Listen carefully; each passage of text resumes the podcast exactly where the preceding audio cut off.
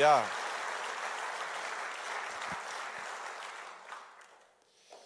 Vandaag in de serie Mental Health komen we aan bij het onderwerp eenzaamheid. En er is, uh, als er van iets duidelijk is, dat het een enorme impact heeft op onze mentale gezondheid en ook op onze lichamelijke, dan is het wel van eenzaamheid.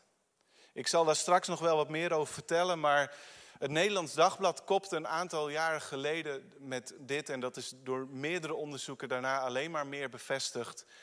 Eenzaamheid is gevaarlijker voor ons dan obesitas. En een psycholoog, uh, Julianne Holt Loenstad, die zette uiteen dat eenzaamheid en sociaal isolement een veel groter gevaar voor onze volksgezondheid vormen dan bijvoorbeeld overgewicht. Zij doet met haar team al jaren onderzoek hierna en ze heeft op een gegeven moment twee grote literatuurstudies gedaan. En het eerste betrof een samenvatting van 148 onderzoeken onder meer dan 300.000 mensen. En daaruit blijkt dat de kans om door eenzaamheid te overlijden 50% hoger is dan door overgewicht. Het tweede overzicht betreft 70 studies onder mensen in Noord-Amerika, Europa, Azië en Australië. In totaal 3,4 miljoen mensen. Dus dat zijn niet zomaar onderzoeken. En daarbij werd gekeken niet alleen naar eenzaamheid, maar ook naar sociale isolatie en alleen wonen. En uit al die onderzoeken blijkt dat deze drie factoren een, ieder een even groot risico opleveren voor een vroegtijdige dood als bij andere factoren, zoals overgewicht. Nou, hoe kan het dat eenzaamheid zo'n enorme impact heeft op ons als mens? Daarvoor moeten we allereerst terug helemaal naar het begin, naar hoe God de mens heeft bedacht en geschapen. Lezen jullie mee? Het was zeer goed. We zijn gemaakt voor relaties. Het is onze fundamentele overtuiging dat God alles heeft geschapen op grond van zijn eigen wilsbesluit. En daaruit kun je onder andere concluderen, de schepping had er niet kunnen zijn. Ze is niet noodzakelijk. Dus dat God op een gegeven moment heeft bedacht om ons te maken, betekent dat hij daar bewust voor gekozen heeft. Hij had het ook niet kunnen doen. Dus waarom schiep hij ons wel? Waarom? Het antwoord luidt uit liefde. En dat is de roep in de hele schepping. God wilde dat wij er zouden zijn en dat we in een relatie met Hem zouden leven. Dat we de vreugde van het bestaan met Hem zouden delen. Daarom schiep God de wereld en daarom schiep God de mens. En we leren daarover het volgende. Lezen jullie mee, Genesis 1. God schiep de mens als zijn evenbeeld. Als evenbeeld van God schiep hij hem. Mannelijk en vrouwelijk schiep hij de mensen. God zag alles wat hij had gemaakt en het was zeer goed. Het was tof. God schiep de mens naar zijn evenbeeld. En God is een drie-enige God. Vader, Zoon en Heilige Geest. God is in zichzelf relationeel. En dat betekent dus, als wij naar zijn beeld zijn gemaakt, dat wij ook relationeel zijn gemaakt. Hij, wilde, hij plaatste de mens in een tuin omdat hij met ons wilde wandelen. En wandelen staat voor samen optrekken. Samen door het leven gaan. Met elkaar praten. Van hart tot hart met elkaar delen. Weten wat er in de ander omgaat. Samen een plan hebben, maar ook doelloos lekker rondlopen. Genieten, ontspannen.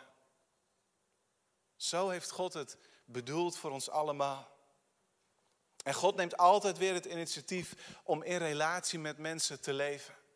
Ook als zij hun best doen om afstand te nemen, om bij hem weg te lopen, dan reikt hij steeds weer uit.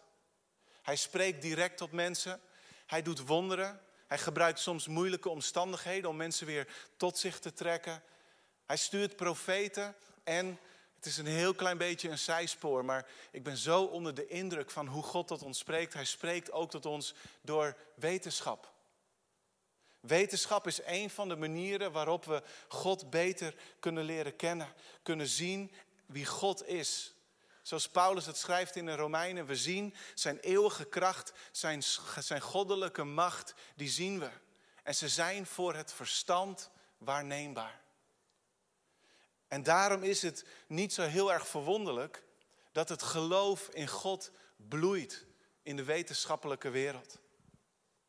Alan Rex Sandage, een kosmoloog die het onderzoeksprogramma van Hubble heeft overgenomen. En uh, naar die Hubble is uh, de, de beroemde telescoop vernaamd. Maar hij wordt wel de grootste kosmoloog van alle tijden genoemd. En hij getuigt op een gegeven moment dit. Het is mijn wetenschap die me tot de conclusie dreef dat de wereld veel gecompliceerder is dan uitgelegd kan worden door de wetenschap. En hij wordt, als hij de vijftig al is gepasseerd, christen en leert Jezus kennen door de richting die de wetenschap hem opduwt. Kortom, alleen maar om weer te geven, God spreekt tot ons. Op allerlei manieren, omdat hij een relatie met ons wil. En God heeft ons ook gemaakt voor een relatie met elkaar. Genesis 2 zoomt in op de schepping van de mens en we leren daar het volgende. De Heer God zei, het is niet goed dat de mens alleen is. Ik zal een helper voor hem maken die bij hem past. De mens gaf namen aan al het vee, aan alle vogels, alle wilde dieren, maar hij vond geen helper daaronder die bij hem paste, die hem compleet maakte. Toen liet de Heer God de mens in een diepe slaap vallen en terwijl de mens sliep, nam hij een van zijn ribben weg en hij sloot het lichaam weer op die plaats. Uit de rib die hij bij de mens had weggenomen, bouwde de Heer God een vrouw. En hij bracht haar bij de mens. En dan barst die man uit in vreugde. Het is niet goed dat de mens alleen is. Een mens heeft andere mensen nodig. We zien dat vanaf het begin van de schepping, maar we zien ook dat de moderne neurologische wetenschap uh, die, die de werking van onze hersenen bestudeert, dat alleen maar bevestigt. Door middel van bijvoorbeeld functionele MRI zijn er verbazingwekkende ontdekkingen gedaan over hoe onze hersenen reageren op de sociale wereld. En deze ontdekkingen versterken keer op keer de conclusie dat onze hersenen zijn gemaakt om te connecten, te verbinden met andere mensen. Onze hersenen zijn sociaal. En deze studies laten ook de omgekeerde kracht zien van sociaal isolement, van alleen zijn. Het gebied dat wordt geactiveerd wanneer we afwijzing of eenzaamheid aanvaren, is hetzelfde gebied uh, waardoor pijn wordt ervaren wanneer we bijvoorbeeld op een Lego-blokje stappen of iets ergers. Maar hetzelfde gebied wordt aangezet. We ervaren fysieke pijn als we alleen zijn. En dat brengt me, en daar ben ik eigenlijk al mee bezig, bij het volgende punt. Het was goed, maar het werd niet goed. De verbroken verbinding zorgt voor allerlei vormen van eenzaamheid. De schepping werd op een gegeven moment aan vergankelijkheid onderworpen. Het bestaan raakte gebroken. De relatie tussen God en mens en die tussen mensen onderling, die werd ernstig beschadigd. In Genesis 3 gaat het helemaal mis als Adam en Eva zich laten verleiden door de slang. En ze eten nou juist van die ene boom waarvan ze niet mochten eten. En dan is dit het gevolg, lezen jullie mee. Toen de mens en zijn vrouw de Heer God in de koelte van de avondwind door de tuin hoorden wandelen, verborgen zij zich voor hem tussen de bomen.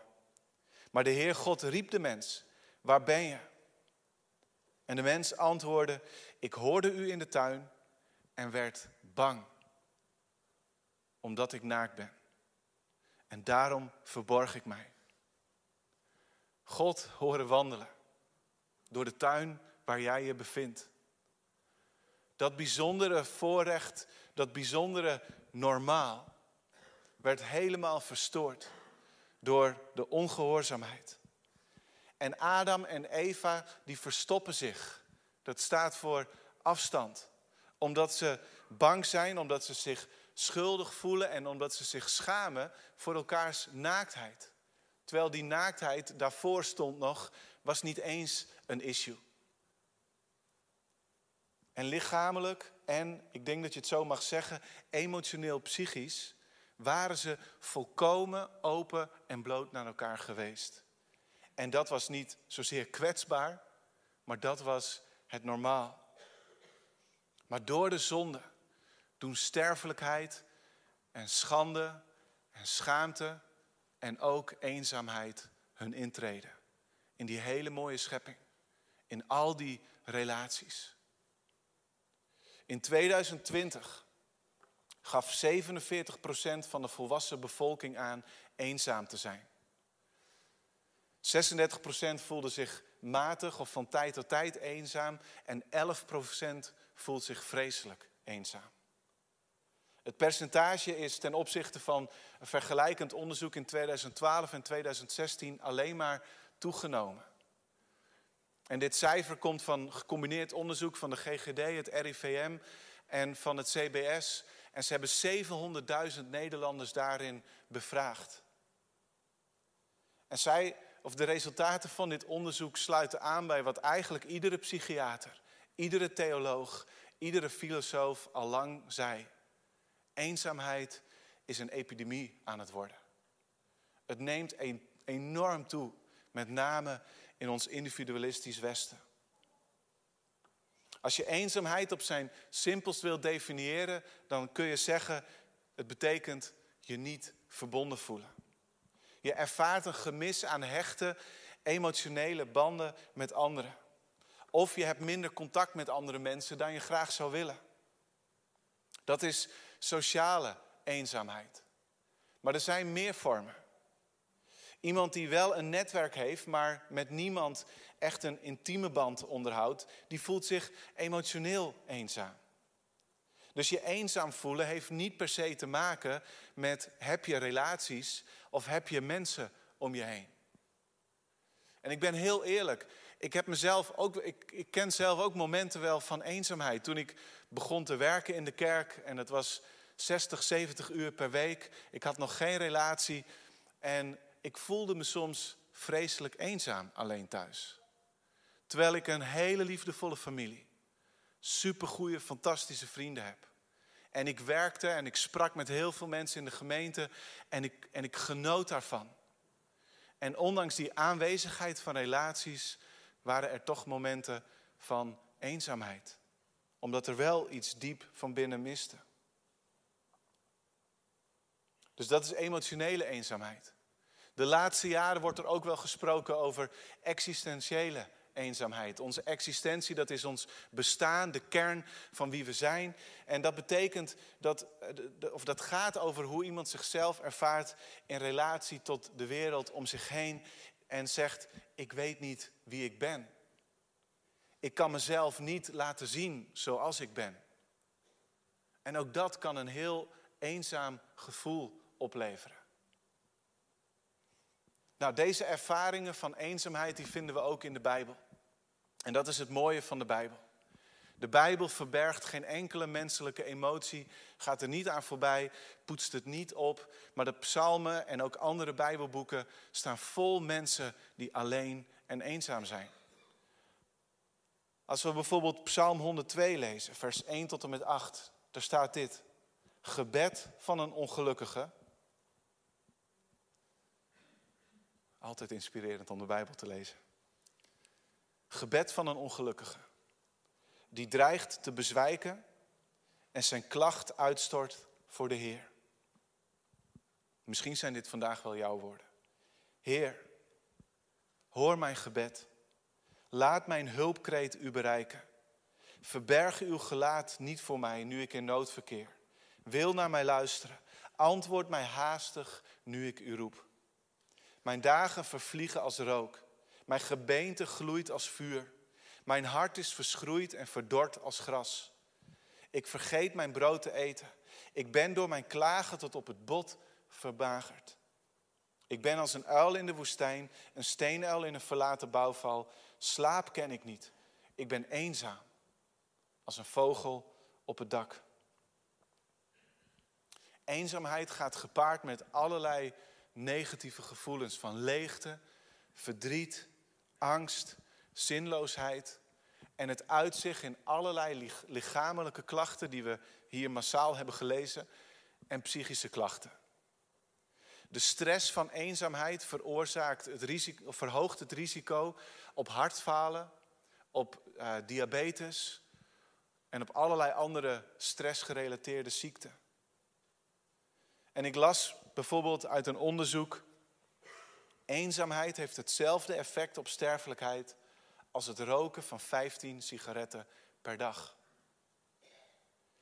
En dus ook psychisch zijn er ernstige gevolgen.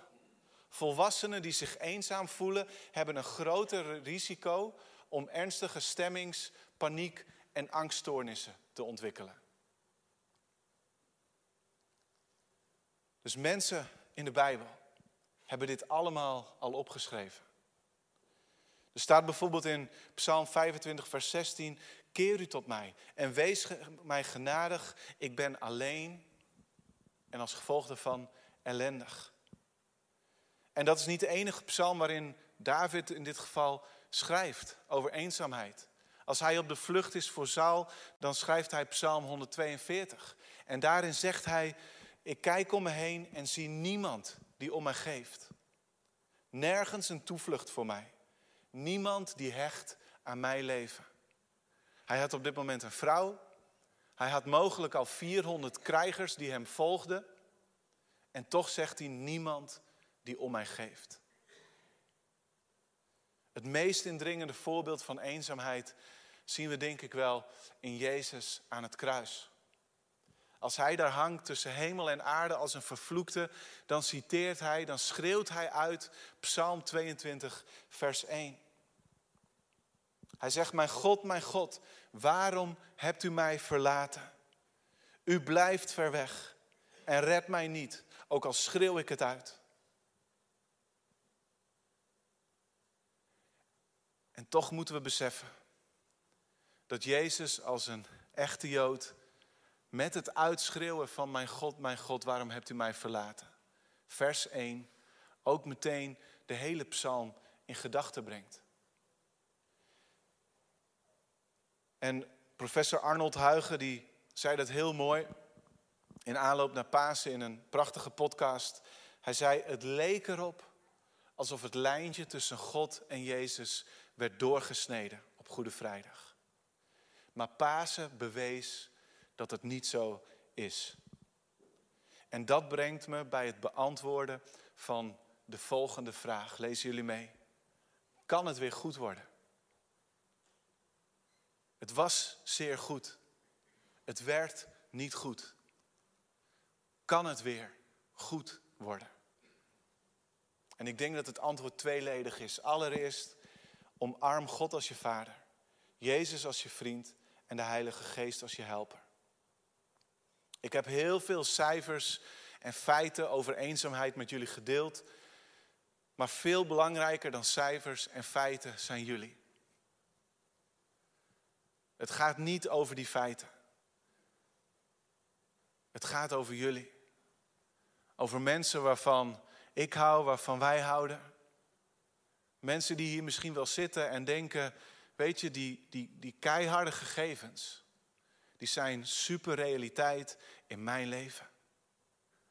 Ik ervaar het dagelijks, wekelijks, jaarlijks. Ik heb ermee te maken. Ik worstel ermee. ermee. Misschien voel je je ongezien, onbegrepen, genegeerd, aan voorbij gelopen, in de steek gelaten, geïsoleerd. En hoe kan het dan beter worden? Hoe kan het zelfs goed worden? Psalm 22. Ik zei het al, Jezus riep het in zijn geheel in gedachten. En het eindigt niet bij vers 1, maar het eindigt hoopvol. Het schetst een toekomst vol genezing, vol heerlijkheid voor iedereen die bij God hoort. En Psalm, of eh, vers 25 zegt dan bijvoorbeeld dit. Hij veracht de zwakke niet. Hij verafschuwt niet wie wordt vernederd. Hij wendt zijn blik niet van hem af, maar hoort zijn hulpgeroep. Dat is onze God. Dat is jouw God, als jij dat wilt. Want we zijn mensen met een wil, we zijn mensen met vermogen om te kiezen. En daarom dringt God zich nooit op aan wie dan ook. Maar wij hebben de keuze om te zeggen, God, ik beweeg me weer naar u toe. En God ziet naar jou uit. Hij staat met open armen te wachten totdat jij je daarin laat vallen. Hij wendt zijn blik niet af. Hij doet zijn oor niet dicht. Hij komt met een antwoord. Hij blijft zijn schepping trouw. Hij is nabij iedereen die het naar hem uitroept. Hij hoort jouw klacht. En hij komt je te hulp. En Jezus biedt jou zijn vriendschap aan. Hij zegt in Johannes 15 zo ontzettend mooi. Ik noem jullie geen slaven, ik noem jullie geen dienstknechten meer. Want een slaaf weet niet wat zijn meester doet. Maar vrienden noem ik jullie. Omdat ik alles wat ik van de Vader heb toevertrouwd gekregen, aan, met jullie heb gedeeld, aan jullie heb toevertrouwd. Vrienden noem ik jullie. En we zien hierin iets van herstel. Iets van terug van Genesis 3 naar Genesis 1 en 2. Waarin we met God, met Jezus mogen wandelen en door het leven gaan. En het wordt hier nog niet volmaakt. Dat komt als Jezus weer terugkomt. Maar we mogen met Hem optrekken. En ook met de Heilige Geest. Paulus die schrijft in heel veel brieven deze zegen voor alle mensen. Hij zegt bijvoorbeeld in 2 Korintiërs 13, vers 13: De genade van de Heer Jezus Christus, de liefde van God en de eenheid de verbondenheid met de Heilige Geest zij met jullie allemaal. De drie enige God, als we die omarmen, wijst ons vervolgens op de mensen om ons heen. Lees jullie mee. Omarm de mensen om je heen en laat je omarmen. Het antwoord van de Bijbel op eenzaamheid is omarming. God heeft ons gemaakt voor community, voor relaties, voor eenheid van hart met andere mensen. We hebben elkaar nodig. En ik wil, ik denk dat ik dat ieder jaar doe, ik wil een van mijn favoriete teksten uit de Bijbel lezen. Het is de visie voor onze connectgroepen. Het is zo wezenlijk voor wie we willen zijn als gemeente. En dat is Handelingen 2, vanaf vers 41. Degenen die zijn woord aanvaarden, lieten zich dopen. Op die dag breidde het aantal leerlingen zich uit met 3000. Ze wijden zich trouw aan het onderricht dat de apostelen gaven, aan de onderlinge gemeenschap, het breken van het brood en het gebed.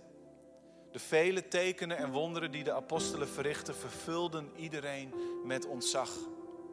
Allen die tot geloof gekomen waren, bleven bijeen en hadden alles gemeenschappelijk.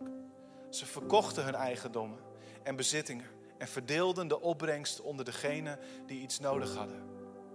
Elke dag kwamen ze trouw en eensgezind samen in de tempel, braken het brood bij elkaar aan huis en gebruikten hun maaltijden in een geest van eenvoud en vol vreugde. Ze loofden God en ze stonden in de gunst bij het hele volk. De Heer breidde hun aantal dagelijks uit. Steeds meer mensen werden gered. Leven in zo'n gemeenschap is zo aantrekkelijk dat er iedere dag mensen bij kwamen die zeiden: daar wil ik deel van uitmaken. En ik begon met de woorden: degene die zijn woord aanvaarden. Wat aanvaarden deze mensen? Ze aanvaarden de omarming van God, de vriendschap van Jezus door zijn reddende, redding aan het kruis. Ze aanvaarden de omarming met de Heilige Geest. En meteen daardoor, geen dag wordt er gewacht, ontstaat deze geloofsgemeenschap, deze familie, deze groep vrienden. Eenzaamheid doet pijn. En het uit zich op allerlei manieren, lichamelijk, psychisch, emotioneel. En het is niet te genezen met medicijnen. Het is alleen maar te genezen met vriendschap, met relaties. Paulus die schrijft in 1 Corinthians 12, wanneer één lichaamsdeel lijdt, lijden alle anderen mee. Wanneer één lichaamsdeel met respect behandeld wordt, delen alle anderen in die vreugde. Het westerse individualisme heeft echt een ongekende epidemie van eenzaamheid teweeggebracht. In plaats van wij begon ik centraal te staan. Wie ben ik? Hoe kom ik tot ontplooiing? Hoe kom ik tot mijn recht? Wat zijn mijn rechten? Maar je ziet alle verbanden in de samenleving afbrokkelen. Je ziet dat er heel veel eenzaamheid en isolatie is. En daarom moeten we heel diep beseffen hoe God ons heeft gemaakt. Omdat daarin het antwoord op eenzaamheid ligt. Lezen jullie mee? De weg uit de epidemie van eenzaamheid is een injectie met Gods liefde. Zodat de relatie met God en met mensen hersteld kan worden.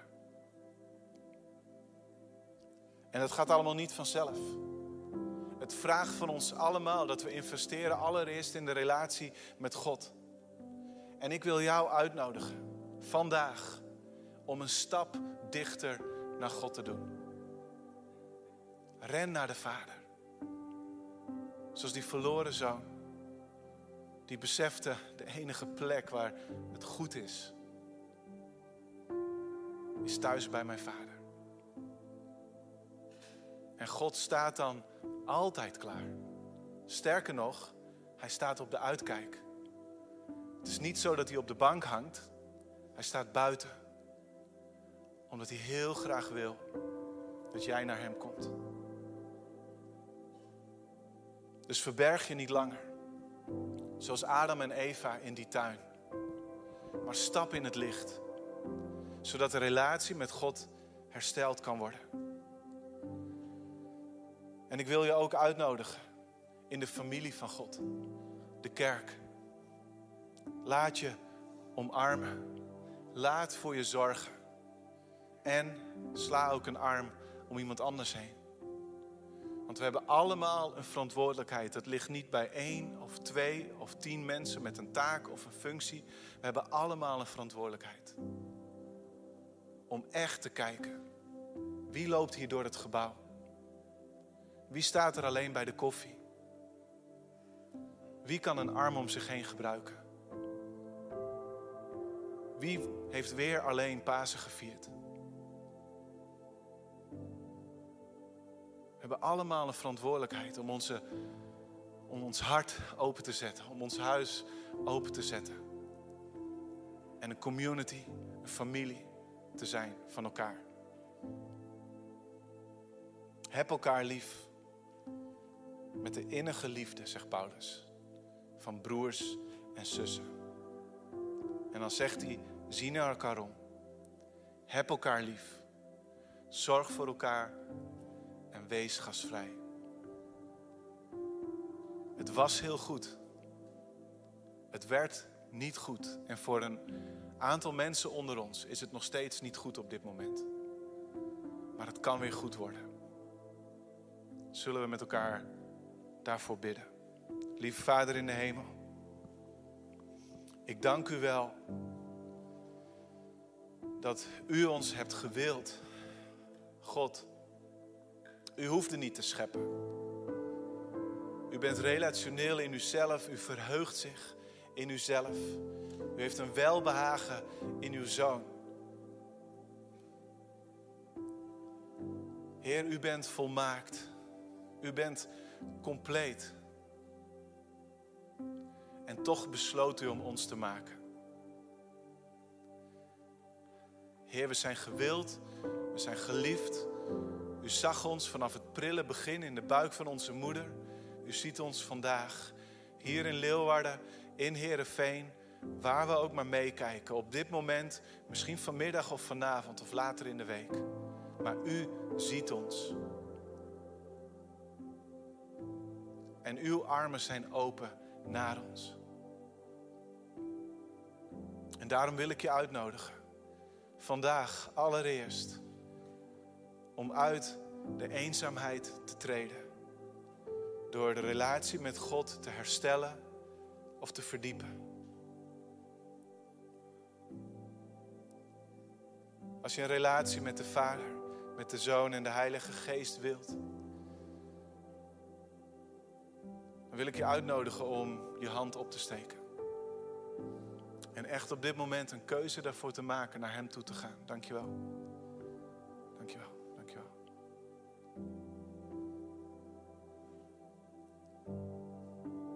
Er zijn misschien mensen Heerenveen die de hand omhoog doen. Thuis op de bank. Ik zie het niet, maar God ziet het. Dank jullie wel. En God omarmt je. En hoe heerlijk is dat? Hij wil alle schaamte wil hij wegnemen. Alle schuldgevoelens. Verbreekt de macht van de zonde in jouw leven. En de weg is vrij. Ik bid dat je thuis komt bij de Vader. Dank u, Jezus, dat het door u mogelijk is.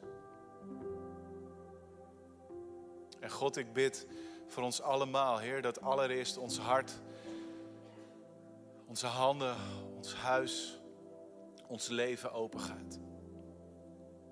Heer, misschien hebben we best wel de neiging om steeds maar voor onszelf te leven, voor onszelf te werken, om de goede oude bekende op te zoeken. Heer, maar help ons om vanaf vandaag ook ja, uit te stappen om misschien soms de spanning aan te gaan van het afstappen op iemand die we nog niet kennen. Misschien wel iemand van wie we de taal niet eens spreken. En Heer, ik bid dat we mensen zijn die elkaar omarmen.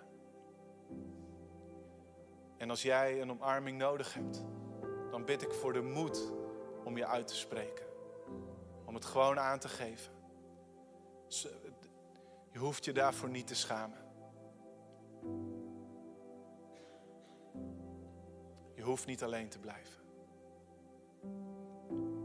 We willen jouw familie, we willen jouw vrienden zijn. Bij deze. In Jezus' naam. Amen.